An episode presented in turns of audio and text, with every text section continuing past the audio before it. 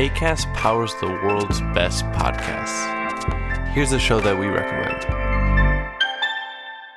Hi, I'm Dory Shafrier, and along with Kate Spencer, I host Forever 35, a podcast about the things we do to take care of ourselves. Join us every Wednesday with guests like author Phoebe Robinson, chef Samin Nosrat, actress Busy Phillips, and even former Secretary of State Madeleine Albright. On Mondays and Fridays, we have mini episodes where we answer listeners' questions on everyday problems like how useful a butt mask really is, how to deal with a petty friend, or how to relax after a long day. So join us Monday, Wednesday, and Friday on Forever 35, where we're not experts, but we are two friends who like to talk a lot about serums. ACAST helps creators launch, grow, and monetize their podcasts everywhere. ACAST.com.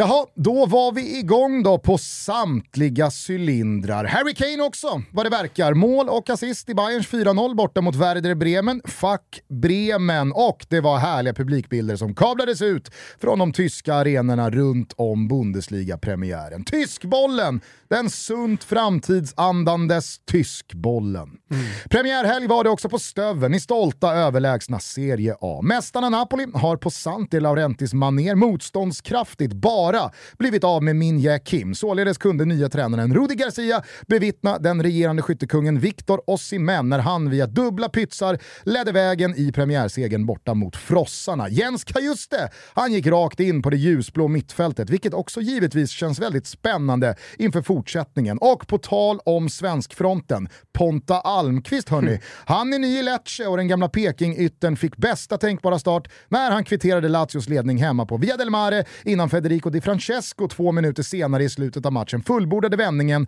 och vinsten. Kul att de slog Lazio. Extra kul. Lautaro Martinez, han vill inte vara sämre än Osimhen och gjorde också två mål när Inter slog Monza. Max Allegri fick igång Juventus direkt i en övertygande 3-0 borta mot Udinese. Och på tal om övertygande, Fio satte ner foten på Marassi och hälsade Bam! Genoa välkomna tillbaka till Serie A med att fullständigt köra över dem. Charles de Ketelaere gjorde såklart mål direkt för Atalanta när Piolis bojer från Milan lossnat och AS Roma, världens överlägset bästa fotbollslag, smög igång säsongen med en fin, fin pinne hemma mot Salernitana med vare sig Dybala i startelvan eller Mourinho på bänken, båda avstängda. Men en hel del annat smått och gott att prata om lite, lite senare. Vi tar oss till England och Premier League där Erik Ten Hags röda United-maskin inte direkt fått någon flygande start. Efter den högst tveksamma segern mot Wolves så trodde nog många med mig på någon form av markant förbättring i norra London, men Tottenham Hotspurs, Lucas Ange Postecoglou Spurs, de vann fullt välförtjänt och det är nu snarare de liljevita som är ur startblocken post Harry Kane. Fyra poäng på kontot för Tottenham, fyra pinnar sitter även på Liverpools konto efter planenlig seger hemma mot Bompan. Alexis McAllister gjorde en Darwin Nunez, alltså att som uppsnackat nyförvärv ta ett rött kort i sin Anfield-debut och Mohamed Salah gjorde sitt första mål för säsongen när han satte sin egen straffretur. Aston Villa fick sig en rejäl lektion av Newcastle i premiären förra helgen. Nu var det däremot deras tur att stå med pekpinnen och domdera. Everton gavs inte en chans och tränare Sean Dyche sa efter matchen att han ville byta ut alla sina spelare i paus. Drömstart för de blå.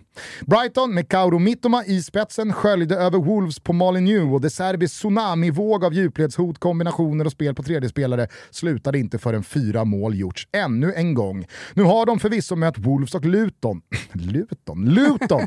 Men ändå, Brighton ser riktigt, riktigt bra ut.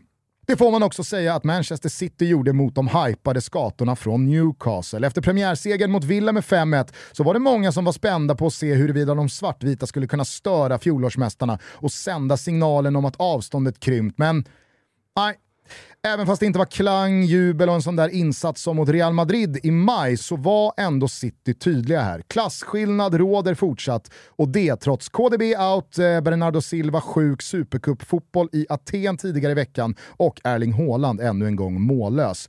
West Ham slog på något märkligt sätt Chelsea och Brentford ångar liksom lite low-key på även utan Ivan Tony eller Ponne. I Spanien gör Jude Bellingham precis vad han vill med La Liga. Okej, okay, Almeria är Almeria, men helt ärligt, vad var ska det här sluta? 2 plus 1 i lördags och engelsmannen har fått en helt makalös start på sin tid i huvudstaden Madrid. Marängerna i topp tillsammans med Valencia som också har två raka segrar. Ja, ni hörde rätt. Två raka segrar för Valencia. Och redan så är alltså Real två poäng före Barcelona som besegrade Cadiz med 2-0 igår och Atleti som spelade 0-0 på Benito Villamarin mot Betis igår i en match som var väldigt, väldigt, väldigt mycket just 0-0. Kalle Starfelt gick rakt in i Celtas startelva borta mot Real Sociedad när de ljusblå tog en stark pinne i San Seba och vi tar även med oss Athletic Clubs och Villarreals första segrar för säsongen från spanskhelgen som var. Här hemma i Allsvenskan så är dramatiken enorm i såväl topp som botten. Häcken hamnade i underläge två gånger om hemma på Bravida mot Sirius, kvitterade lika många gånger och på tilläggstid på tilläggstiden med matchens sista spark så kunde de regerande mästarna även avgå med segern efter att Jakob Folkering dunkat upp en blockrensning i eget tak på Lajonis inspel efter Sampa Gustafssons otroligt sexiga lobbframspelning. Elfsborg vann även de hemma mot Mjällby efter en vuxen, mogen och tydlig 2-0. Jobbig söndag således för Malmö FF som återigen misslyckades med att besegra Djurgården. Det blev bara 0-0 hemma på Stadion i Malmö och ska vi vara ärliga så var det en match som snarare andades fjolårets sjunde plats än något återtagande av guldtronen. Grinigt, brunkigt, trubbigt börjar vi se lite av en ganska så påtaglig stress hos de himmelsblå. Mm, jag tror nog det. I botten så har Mackan Berg efter sju svåra år vaknat i karriärens elfte timme och den gamla skyttekungen och landslagsmannen har nu skjutit sex poäng till Blåvitt på de senaste två matcherna och det, det är sex poäng som Blåvitt minst sagt behöver. Blytung trea mot Degen, samtidigt som Sirius alltså förlorade och all press är nu återigen på Gnaget som är tillbaka under kvalstrecket inför kvällens bortamatch mot Peking. Fyra lag inom en pinne. Ja, men det är sån jävla gåsmurra. Jag är ledsen alla emotionellt inblandade, men det är faktiskt ingenting annat än just det, gåsmurra.